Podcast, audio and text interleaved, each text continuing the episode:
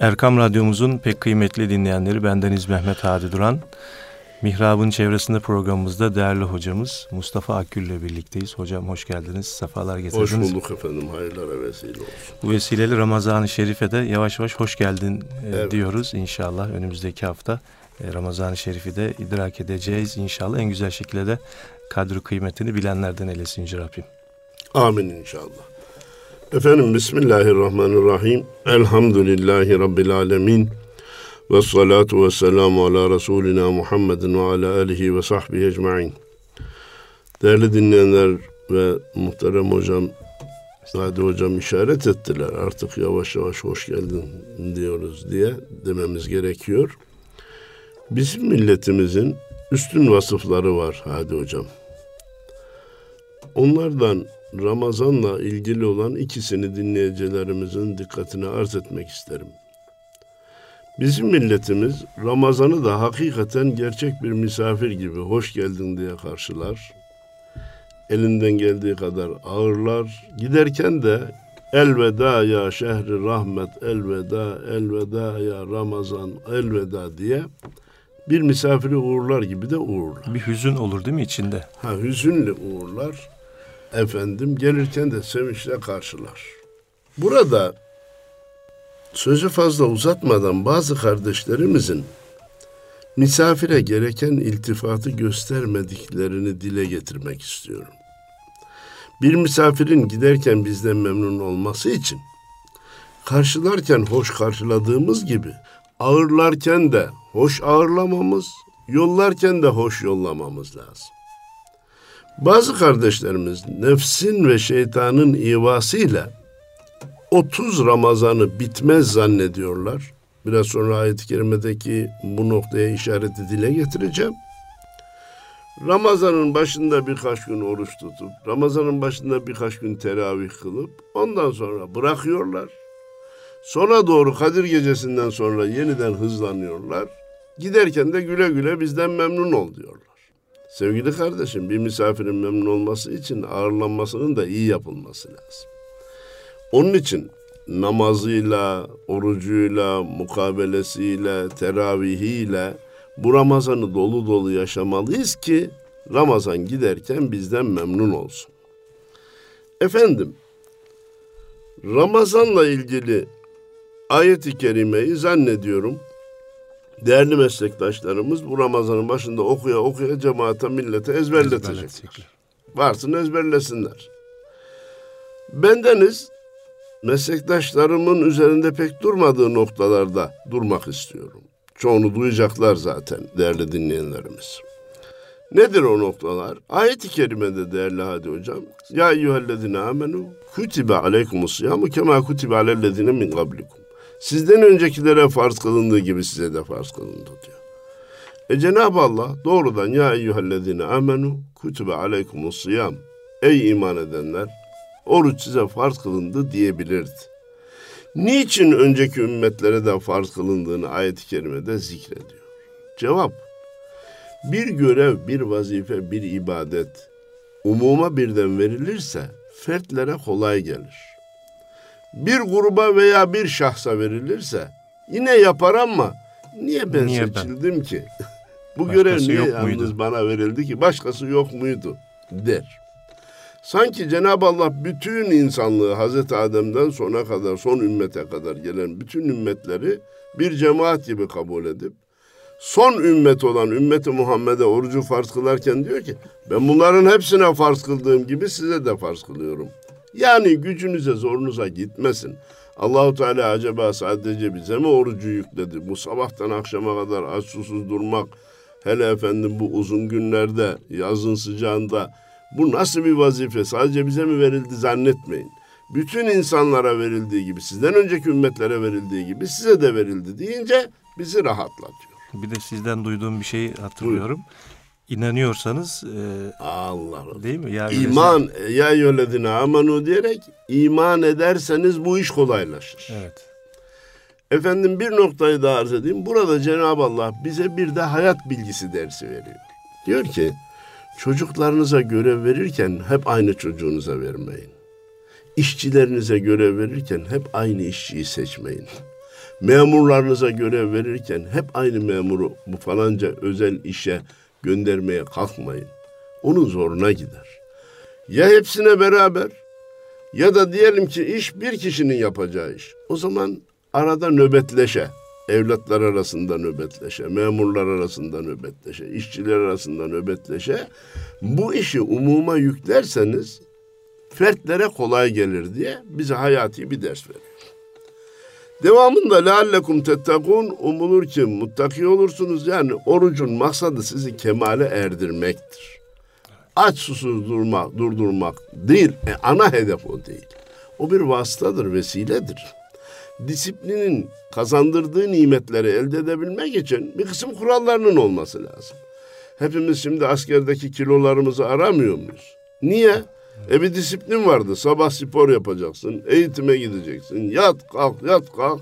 E biraz meşakkatli gibi geliyordu ama vücudumuz dinç, kilomuz hafif.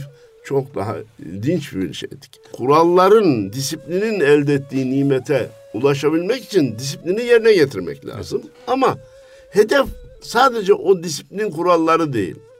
Askeri yatırıp kaldırmak değil, savaşa hazırlamak. Sabah sporunu spor olsun diye değil, vücudu dinç tutmak dinç için. Yapılan işlerin hedefini de bilmekte fayda var.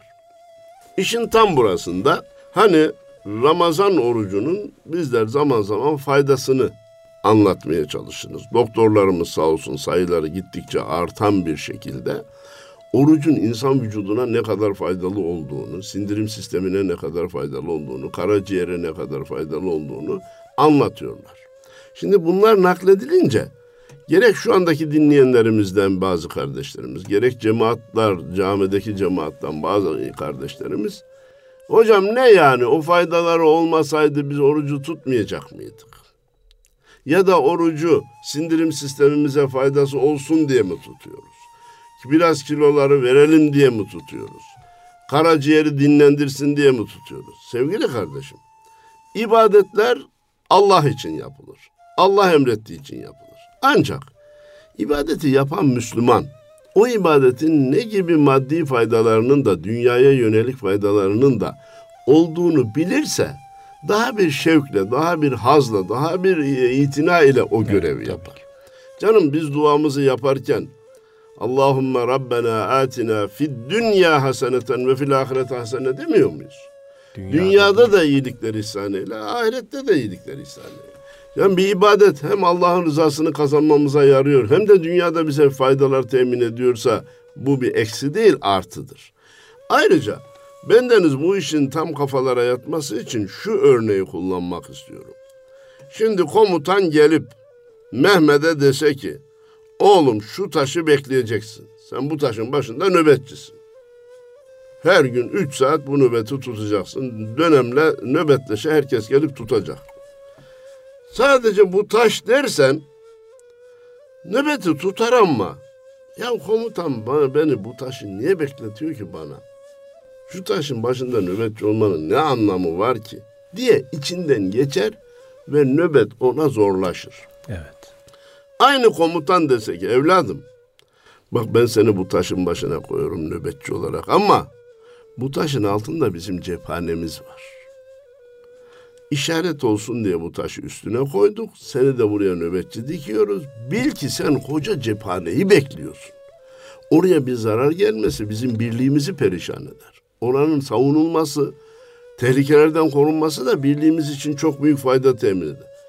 E şimdi bu bilgi verildikten sonra Mehmet'in oradaki nöbet tutuşunu bir düşünelim. Bu bilgi verilmeden gel oğlum bu taşın dibinde bekleyeceksin üç saat. Dediğin zamanki psikolojisini düşünelim. Biz de insanlara diyelim ki bak kardeşim büyük hedef, büyük hazine, büyük cephane Allah'ın rızası. Ama burada vücudunda faydası var. Sindirim sisteminin faydası var. Şekerin, tansiyonun faydası var. Gel bunları da e, kazanmış ol dersek biraz daha moralle, biraz daha istekle tutar. Hemen burada her Ramazan ismini zikretmeyi de vazife bildiğim Osman Müftüoğlu hocanın profesörün bir tespitini dikkatlere sunmak istiyorum. Diyor ki aç kalmakla oruç tutmayı birbirine karıştırmayın. Evet. Evvela bu sözün faydasını nerede görüyoruz Hadi Hocam? Ramazan dışında şu kadar saat aralıkla bir şeyleri yemeyince duramayan kardeşlerimiz var. Şekeri düşüyor çıkıyor ve tansiyonu şöyle. Evet. Şimdi Ramazan gelince onları bir korku salıyor. Belki de samimiyetle tutmak da istiyor ama ya ben Ramazan dışında 5 saat duramıyorum ki. E şimdi 10 saat, 17 saat nasıl duracağım? 17 yaklaşık 17, 17, 17 saat, saat olan var oruçların içerisinde. Diye eğer tutarsam vücudum alt üst olur, mahvolurum diye düşünenler var. Osman Müftüoğlu diyor ki biz sana sabahtan akşama kadar aç duracaksın demiyoruz. Oruç tutacaksın diyoruz. E hocam oruç tutunca da aç durmuyor muyuz? Kardeşim gece sahura kalkıp da niyet ettim Allah rızası bugünkü Ramazan orucunu tutmaya dediğin an niyet ve yaptığın an beyin sindirim organlarına komutu veriyor. Bugün akşama kadar size yeme, içme, su, gıda yok. Kendinizi ona göre ayarlayın diyor. Ramazan dışında dikkat edin öğün biraz gecikse midemiz sıyrılıyor, vücudumuzun kimyası bozuluyor. Ramazan içinde öyle olmayız. Açlık hissetmez miyiz? Ederiz. Fakat Ramazan dışı gibi kesinlikle değil. Ben biliyorum ki Ramazan dışında dört saat sigarasız duramayan insanlar var. Dört saati de bir hali zaman verdim yani. Evet en az. He. Beş altı saat durmayı hiç gözüne alamayan insanlar var. Ramazan gelince 17 saat nasıl duruyor? Beyin diyor ki sana akşama kadar sigara yok. Bitti, kepengi indiriyor, ümidi kesiyor, akşama kadar bekliyor. Demek ki oruçtaki niyetin farz oluşu vücut organlarının ibadete kendini ayarlamasına yarıyor. Evet. Ve Ramazan dışındaki açlığa benzemiyor. Şimdi bu sözlerle ben şunu söylemek istemiyorum. Rahatsızlığınız ne olursa olsun, hastalığınız ne olursa olsun, şekeriniz 500'e de çıksa, tansiyonunuz 22'ye de çıksa, bu orucu mutlaka tutacaksınız demiyorum. Ne diyorum? Şu orta yolu bir bulalım. Birinci kuralımız, her bir Müslüman nasıl olur da şu orucu tutmam diye bir yol arama yerine nasıl, nasıl olur da tutabilirimin yolunu arasın bir. İki, doktoruna sorarken değerli doktorum ben orucumu tutmak istiyorum. Mümkün mü acaba? Orucumu tutarsam bir zarar görür mü vücudum? diye tutmak istediğine dair bir işaret versin. Üç, arkadaş herhangi bir konuda bir doktor ameliyat dediği zaman hemen ameliyata girmiyoruz. Bir doktora daha gidelim. Üçüncü doktorun da fikrini alalım diyoruz. Bana oruç tutamazsın demişse A doktoru, B'nin de fikrini alayım, C'nin de fikrini alayım. Geriden de inceleyeyim arkadaş, hiç ayıp da değil, günah da değil. Bana orucunu yiyeceksin diyen doktor kendi orucunu tutuyor mu acaba? Evet. Önemli bir ölçü diye düşünürüm. Çünkü sen oruç tutamazsın, orucunu yemen lazım diyen doktorun hem uzman hem mütedeyyin olması lazım. İbadetin kıymetini bilen, kendisi de ibadetini gücü nispetinde yerine getiren birisinin olması lazım. Hani derler ya bağışlayın bekara hatun boşamak kolay. E kendisi de orucu yiyorsa kardeşim sana rahatlıkla ye der. İnsan kendine arkadaş arar. Değil mi? Bir başı ağrısı hadi tutma der yani. Tutma der. Televizyonda profesör titrili birisinin ben dedi tiroid bezlerim için hava aldığım için ben orucu tutamıyorum dedi.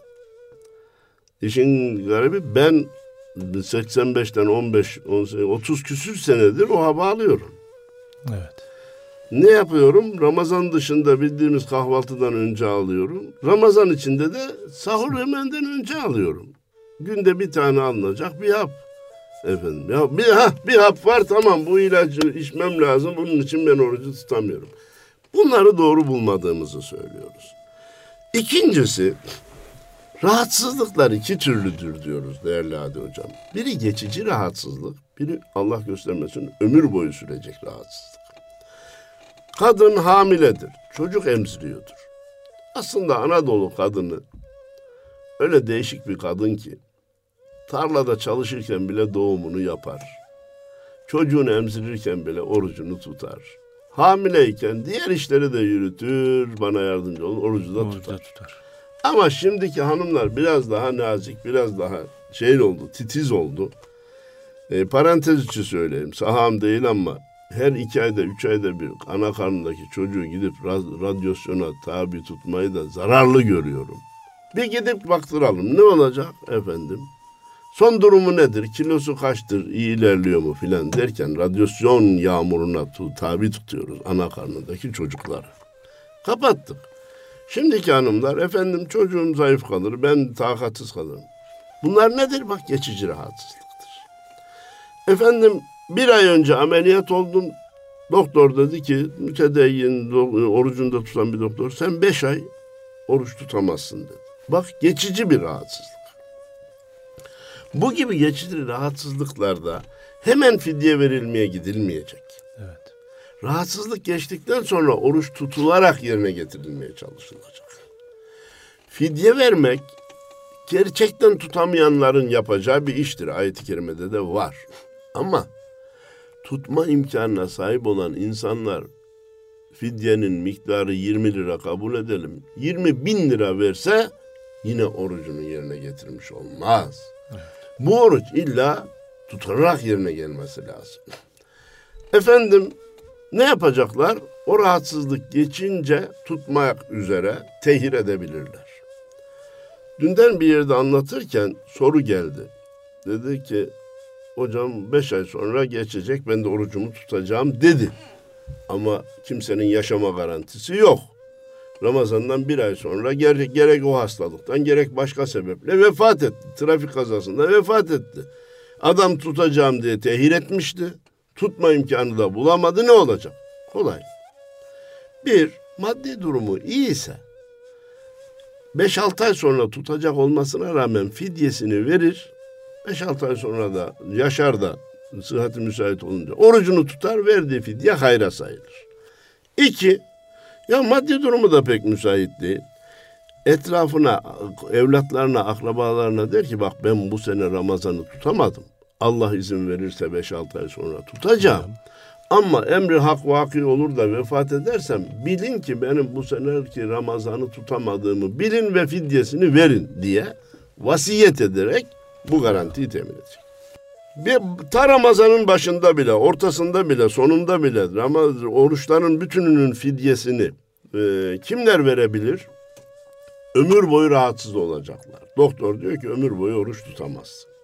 Hatta burada bir noktaya daha ilave etmek istiyorum. Doktor ömür boyu hast bu hastalık devam eder, sen bu orucu tutamazsın dedi. Bir sene sonra yeni bir ilaç çıktı. Yeni bir İyileşti. tedavi yöntemi gelişti. Tıpta bir ilerleme oldu. Biz iyileştik. O arada da fidyesini vermiştik tutamayacağız diye. Yeniden tutmamız gerekir. O fidyeler hayrımıza, sadakamıza sayılır. Dinimiz oruç üzerinde bu kadar titizlikle duruyor. Ayet-i kerimeyi hatırlayacaksınız.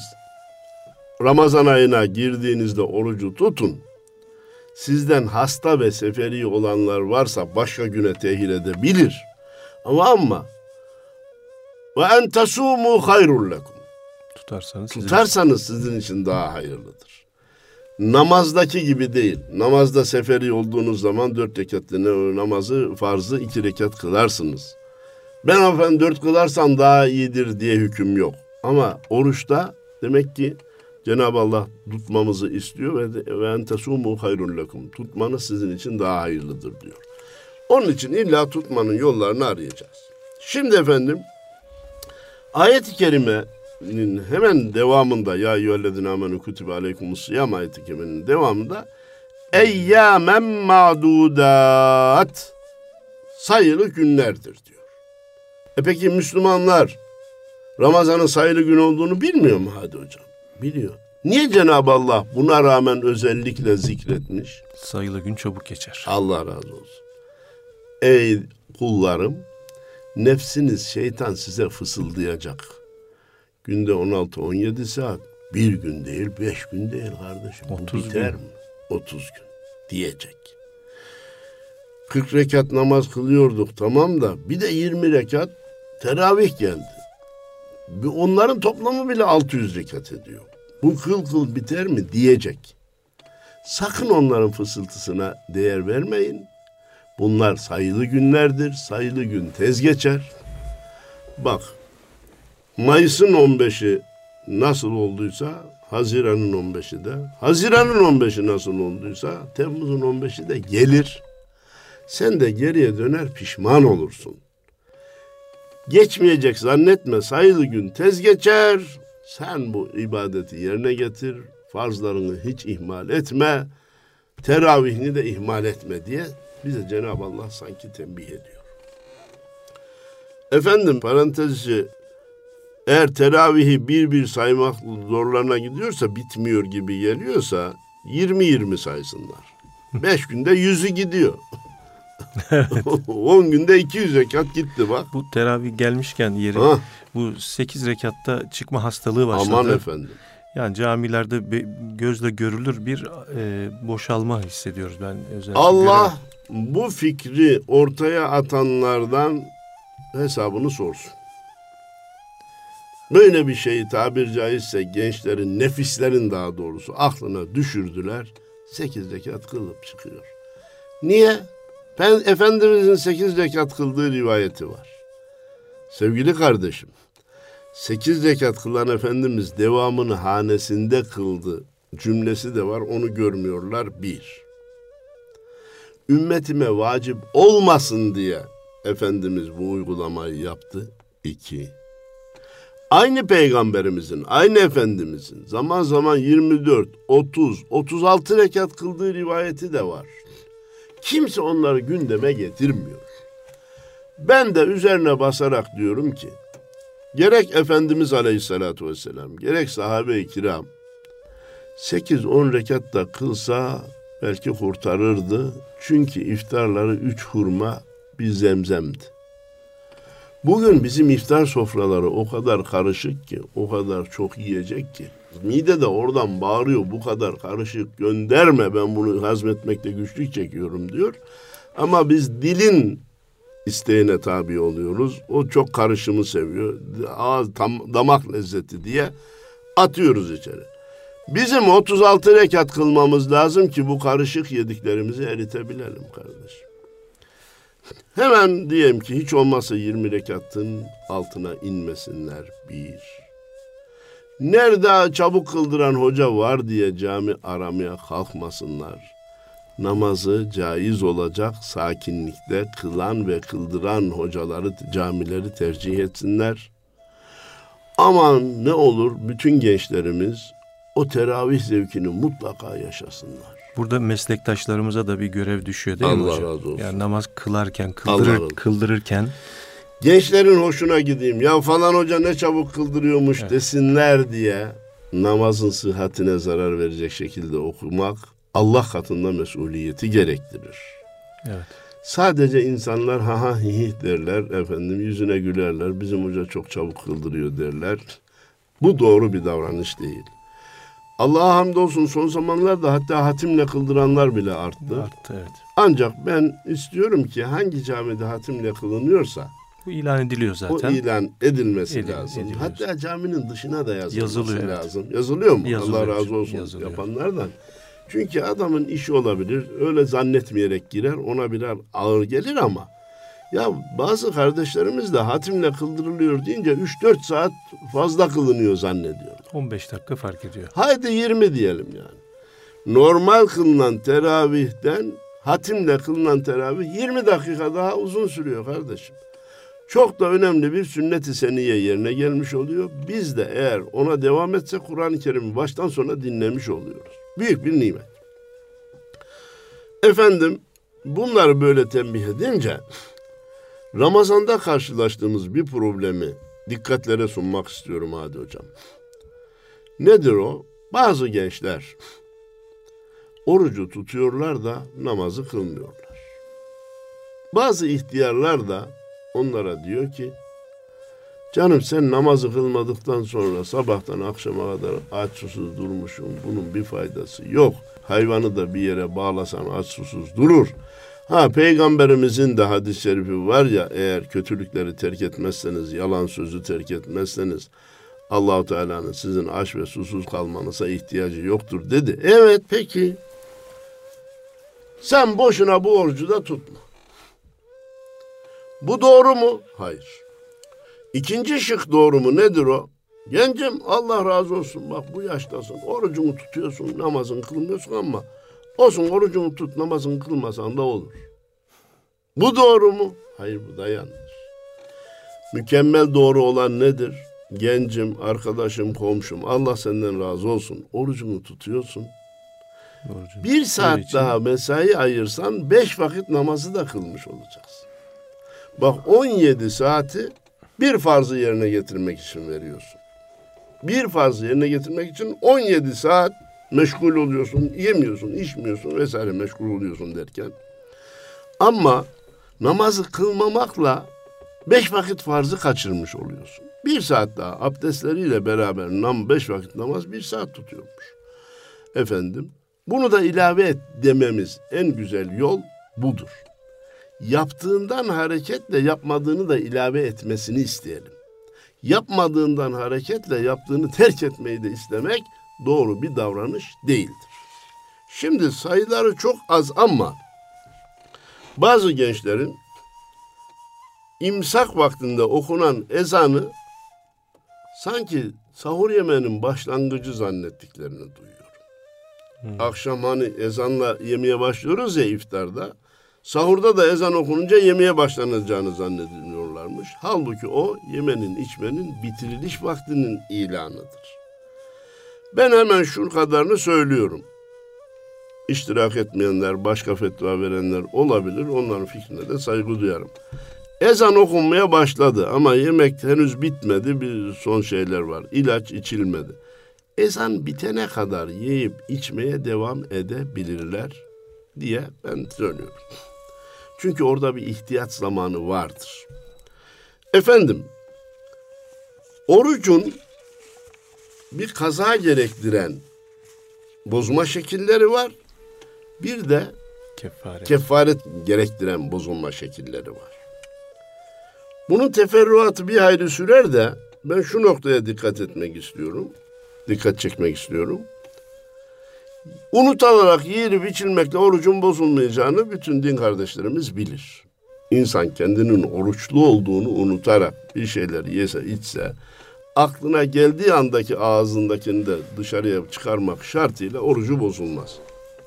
Ama bir de hataen yutmak var. Hataen yemek var. Hataen yeme az olur. Ama su yutma olabilir. Abdest alırken, gusül abdesti alırken oruçlu olduğumuz aklımızda. Ama istemeyerek boğazdan aşağıya kaçtı. Oruç bozulur. Bizim kastımız olmasa da bozulur. Ama kastımız olmadığı için kefaret gerekmez, kaza gerekir. Bunu bilmekte fayda görüyorum. Teravih orucun değil, Ramazan'ın sünnetidir. Orucun değil, Ramazan'ın sünnetidir. Bu ne demek? Olur ki sıhhati müsait olmadığından dolayı oruç tutamayan kardeşlerimiz yine teravihi kılmak onlara da sünnettir. Orucun sünneti olsaydı oruç tutmayanın teravihde kılmaması gerekirdi. Ramazanın sünneti olduğu için oruç tutamayanların da teravih kılmaları gerekir. Efendim hiçbir nimetin kendisi hayali kadar güzel değildir. Evet. Hiçbir bir nimetin kendisi hayali kadar güzel değildir. Oruç ibadeti bize akşama kadar nimetin hayalini yedirir. Akşam kendisini yeriz. Yedikten sonra da sofranın tadı kaçar. Evet. Allah'ın nimetlerinin farkına varabilmek için oruca itina göstermemiz gerekir. Biraz evvel fidye dedim de hadi hocam.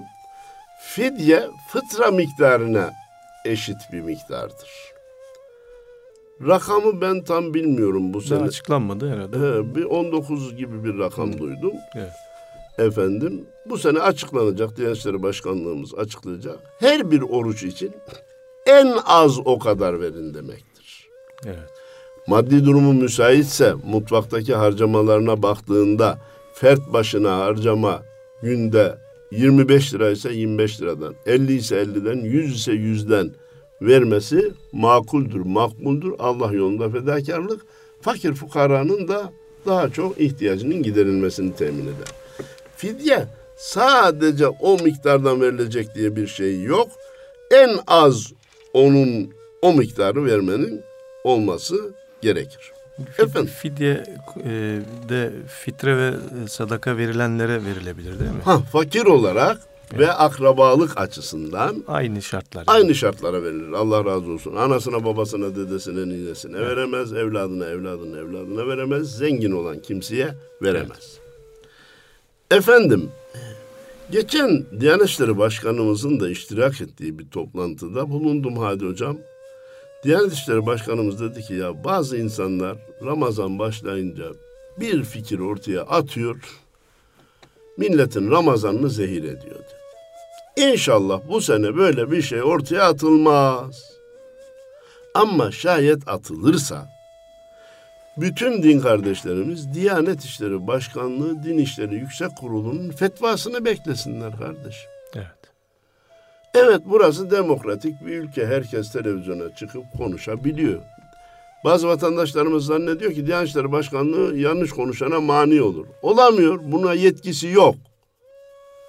Birisi de, televizyona çıkıp bu asırda oruç neymiş ya oruç tutmaya bile gerek yok dese sen nasıl konuşuyorsun? Biz eleştiririz ama onu susturma kanunen bizim yetkimizde değil.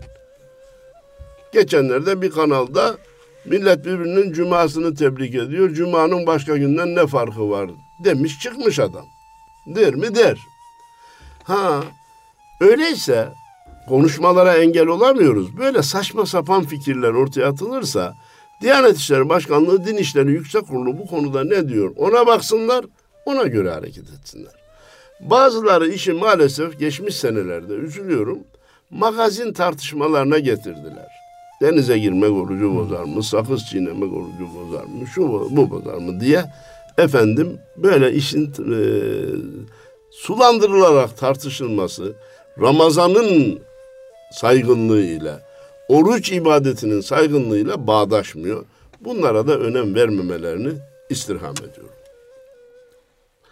Efendim, iyi Ramazan geçirmek için ziyaret, ziyafet nezaket noktalarına dikkatte fayda görüyorum. Ziyaret önemli. Ama şunu söylüyorum. Zenginler fakir akrabalarının ziyaretini bizzat onların evine giderek yapsınlar. Fakirler ziyareti telefonla da başka şeyle de yapabilirler. Evlerine sakın gitmesinler demiyorum ama Şimdi gençlerde ve hanımlarda kendi aile gelirlerini hesaba katmadan gördüğü her şeyi isteme gibi bir hastalık olur. Evin kirasını ödemekte güçlük çeken babaya illa son çıkan telefonu alacaksın diye 4 bin lira 5 bin lira borçlandıran gençlerin olduğunu görüyoruz. Onun için zenginler fakirleri evlerinde ziyaret ederse dönüşte haline şükreder. Fakir zengin evinde ziyaret ederse gördüğü avize onu rahatsız eder. Koltuk takımı onu rahatsız eder. Masalar, sandalyalar, o israfa kaçan çatallar, bıçaklar efendim onun gözünü kamaştırır. Nezaket dedik. İşte karşılıklı nezaket kurallarına riayet etmek çok önemlidir. Malum Efendimiz Peygamberimiz Aleyhisselatü Vesselam Ramazan'da başkasına çatmayın, başkası size çatarsa oruçluyum deyin diyor. Efendim, ziyafet de önemli ama iki şeyi dikkate sunmak istiyorum. Bir, iftar sofralarımız israf sofraları olmasın. olmasın. İçinde fakirin bulunmadığı sofrada hayır yoktur. Sadece zenginler birbirine iltifat için iftar programları tertip etmesin. Ha, her misafire aynı şey ikram edilecek diye bir kural da yok kardeşim. Mahallenin muhtarını davet etmişsen ziyafetin farklı. Kazanın kaymakamını davet etmişsen ziyafetin farklı. Vilayetin valisini davet etmişsen ziyafetin farklı olabilir. Efendimizin böyle de bir hadis-i şerif vardır. Herkese maddi durumuna göre ikram ediniz diye. Fakat ne olmasın bana yardımcı olun. Ee, israfa İsraf. kaçınılmasın, fakir ihmal edilmesin. Malumunuz Ramazan her sene 10 gün evvel gelir. Bunun büyük hikmetleri var. Geçenlerde birisi sivri aklıyla bunu Eylül ayına, Aralık ayına, Kasım ayına sabitlesek Sabitleyelim. olmaz mı diyor. Kardeşim bu din, bu Kur'an sadece Türkiye'ye gelmedi. Bütün dünya insanlarına geldi. Sen onu Aralık ayına sabitlersen Avustralya'daki devamlı Temmuz'da tutmak mecburiyetinde kalırsın. Onlara da bir formül yapabilir. Onlar da şu ayda tutsun diye. Sen sabitliyorsun ya. İşte bölgeye Ha. göre sabitler. Ben buraya göre, o da oraya göre. Peki burada ne var? Bir başka sakıncasını dile getireceğim. Cenab-ı Allah ise bütün senenin bütün mevsimlerini dolaşsın da Bereketlensin her gün diye. portakalın kıymetini anladığı gibi karpuzun da kıymetini anlasın. Suyun da kıymetini anlasın diye yaz gününün sıcak, uzun ve sıcak günleri birçok nimetin kadri kıymetini daha çok anlamamıza vesile olur. Herkes işine geldiği mevsime sabitleyecek olursa Danimarka, İsveç, Norveçliler 7-8 saat olan günleri var onların O günleri seçer. o günlere sabitlemeye kalkar. Evet bugün 20-22 saat tuttukları oluyor. Fakat gün geliyor 7-8 saat tutunca işte dengelenmiş oluyor. Bu her sene 10 gün evvel gelişi hem senenin bütün aylarını ve günlerini Ramazan şerefiyle şereflendirmiş oluyor hem de bütün dünya Müslümanları arasında adaleti temin etmiş oluyor. Efendim bir Ramazan'ın başlangıcındayız. Dinleyenler bizim tünel hikayemizi hatırlayacak. Komutan askerleriyle tünele girdi. Zifiri karanlığa varınca evlatlarım ayağınızın altındaki taşlardan cebinizi, koynunuzu, çantanızı doldurun dedi.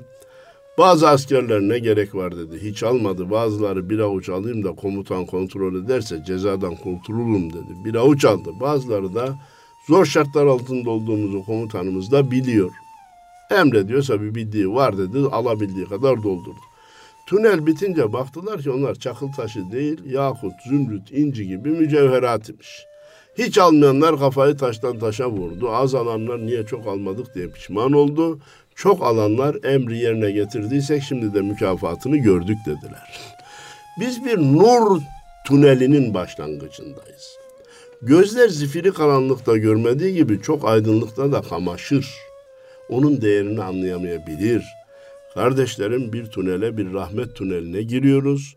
Alabildiğimiz kadar alalım. Cebimizi, çantamızı doldurabildiğimiz kadar dolduralım. Yarın bu Ramazan biter.